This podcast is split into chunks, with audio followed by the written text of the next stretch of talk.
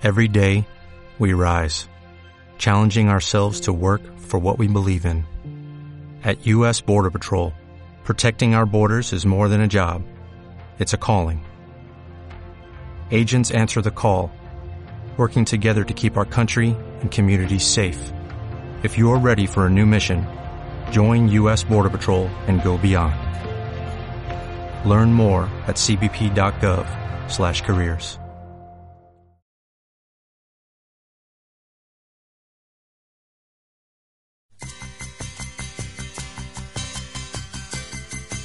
Euskaldun berri baten gora berak.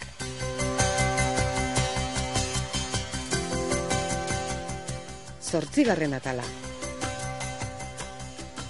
Goiz hartan, enekien nola aritu nintzen ametsetan aurreko gauean. Ez da ibilioten nintzen ere. Nekien bakarra, oraindik logaleak amorratzen nengoela erlojuak jo zuenean. Mantso mantso jeiki, nagiak atera eta komuneko aldia egin ondoren irratia piztu nuen eguneroko errutinari hasiera emanez. Babainera matzan egun batzuk horrela eginez. Esaten zutenaren erdia enuen ongi ulertzen, baina ein nintzen hasieran bezala larritzen. Mieltxorekin ere antzeko zerbait gertatzen zitzaidan. Gauzen erdiak atzeko zaurrera ulertu arren, enintzen lehen bezala lotxatzen. Eta irri ederrak egiten genituen nire gaizki ulertzeak zirela eta. Bueno, egiten genituen baino gehiago egiten zituen. Enintzen hasieran bezala lotxatzen, baina amorru pixka bat ematen zidan, eta neure buruarekin aserretzen nintzen batzutan. Hala ere, etzen inondik ere lehenengo egunetako tentsioa. Alaxe ba, gozaltzen ari nintzen bitartean, horra zerrentzu nuen irratian. Gidatzeko karneta atera nahi baldin baduzu, ona hemen izen bat. Erize autoeskola. Ikasbide atsegina, konfidantzazko jendea, euskalduna, Erize autoeskola. autogidariak trebatzen, jaioa eta praktikak euskaraz. Erize autoeskola San Juan Bosko amasei iturrama auzoan. Ara, nik ere karneta atera beharra daukat ba. Eta gainera euskaraz egiten badut, bilan batera eginen ditut. Oso gogorra izanen ote da. Oso despistatu ibiliko ote naiz. Ez dut uste. Azken finean, autoa eramaten ikasi behar dut. Eta autoak pedal berak ditu euskaraz eta gaztelaniaz. Ha, baina irakasleak? Irakasleak esan behar dit zer egin eta ulertzen ezpadiot? Ene bada, lehenengoan ulertzen ezpadiot, hirugarrenean ulertuko diot, eta kitxo. Joan eta galdetu egin behar dut. Mieltxori ere galdetzen aldiot, ia zer dioen. Eta alaxe egin nuen. Amaiketako hartzera joan ginenean, honela esan nion. Gaur goizean, irratian, iragarki batean entzun dut, autoeskola batean gidatzeko karneta ateratzeko klaseak euskaraz ematen dituztela. Txorixonak maite, hori da esaldia hori.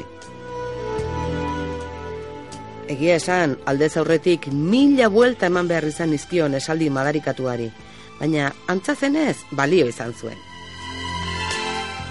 Ze uste duzu ba, kostatzen zait, baina ari naiz ikasten. Dudaikabe, dudaikabe. Eta zer pasten da ba, klaseak euskaraz ematen dituen autoeskola horrekin. Ba, behar bada, apuntatu eginen dudala. Apuntatu? Zer apuntatu behar duzu ordea? Nire izena? Ah, apuntatu eginen zarela esan nahi duzu. Bai, hori, behar bada, apuntatu eginen naizela. Edo, astakeria handia iruditzen zaizu. Astakeria? Ez, ez, zer gaitik astakeria? Ezagutzen ditut nik, bat baino gehiago, zuk euskeraz dakitzuna baino desente gutxiagoz dakitenak erderaz. Eta atera dutenak, beraz, animon eskatoa. Noiz hasi behar duzu? Ez dakit, ordutegiak begiratu behar ditut, eta lehenengo bizitak beldur pixka bat ematen dite, eh? Pentsazazu, Euskaldun zahar bat ateratzen bazait eta deusez ulertzen ez badiot? Edo alderantziz ulertzen badiot? Galdetu, emakumea, galdetu. Bai, zuretzat oso erreza da hori esatea, baina nik... Mesede bat eginen didazu? Egiten alba ditzut, zuk esanen duzu. Lehenengo egunean lagunduko didazu autoeskolara? Bai, emakumea, lagunduko ez dizut ba? Noiz joan nahi duzu? Ez dakit, arratsalde batean, biok jai dugunean, Edo goiz ateratzen garen arratsalde batean? zer orduten atera behar duzuzu bihar? Jai dut nik bihar arratsaldean. Eta nik seiretan atera behar dut. Nahi baduzu bihar bertan joan gaitezke, seiretan.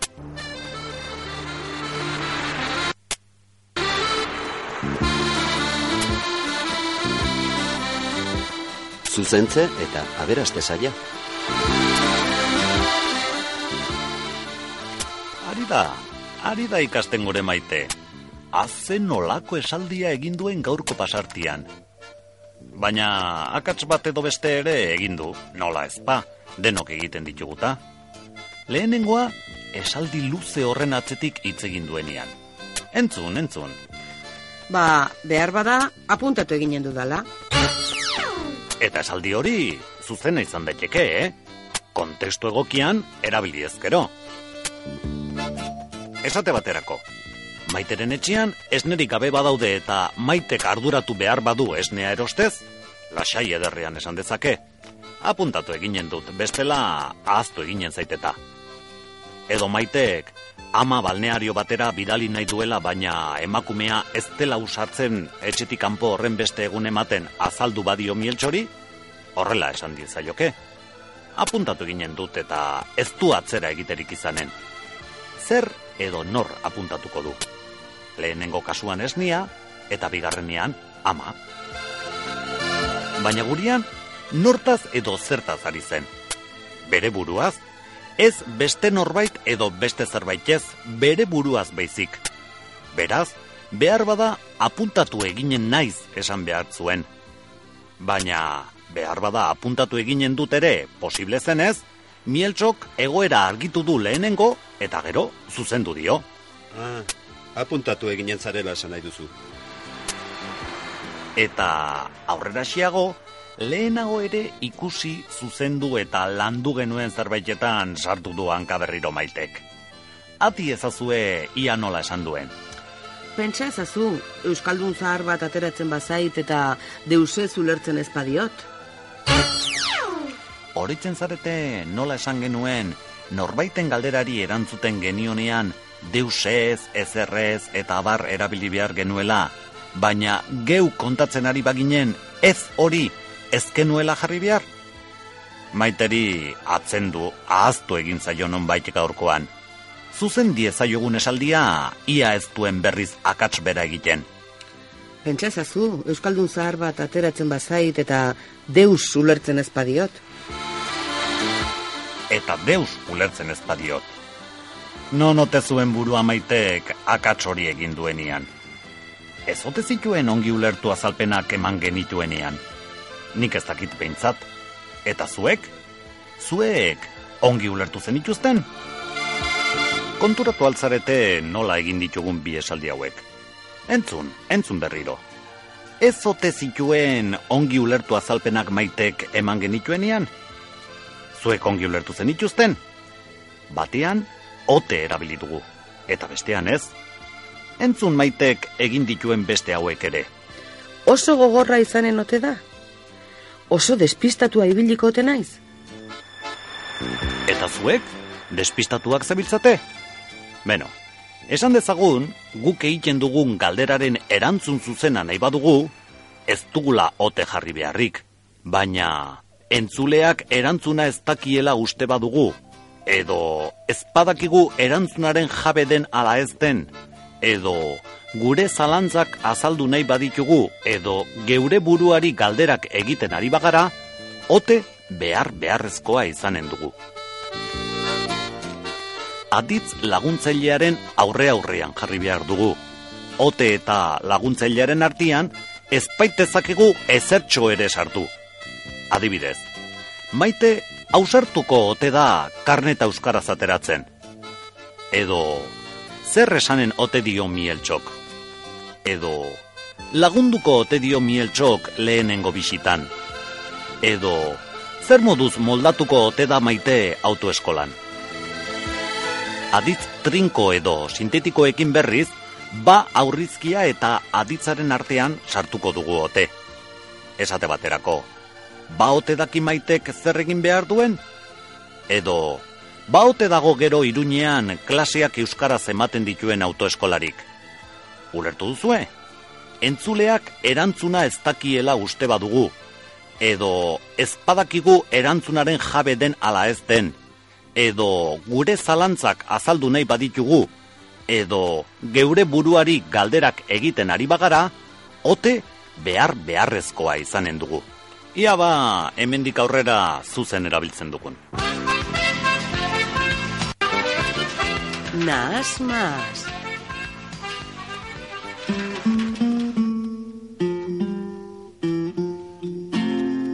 Egun da zanti mamina Benetan egun zamina Goiko zeruan gorde dezala Luzaro neure anima.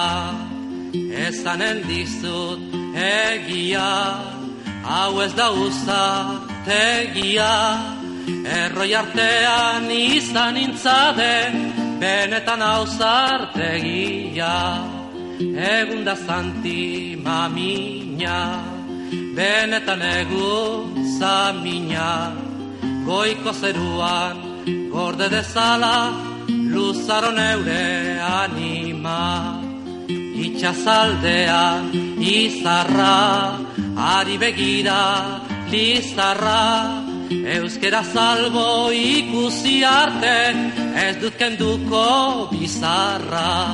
Egun da zanti mamina Benetan egun zamina.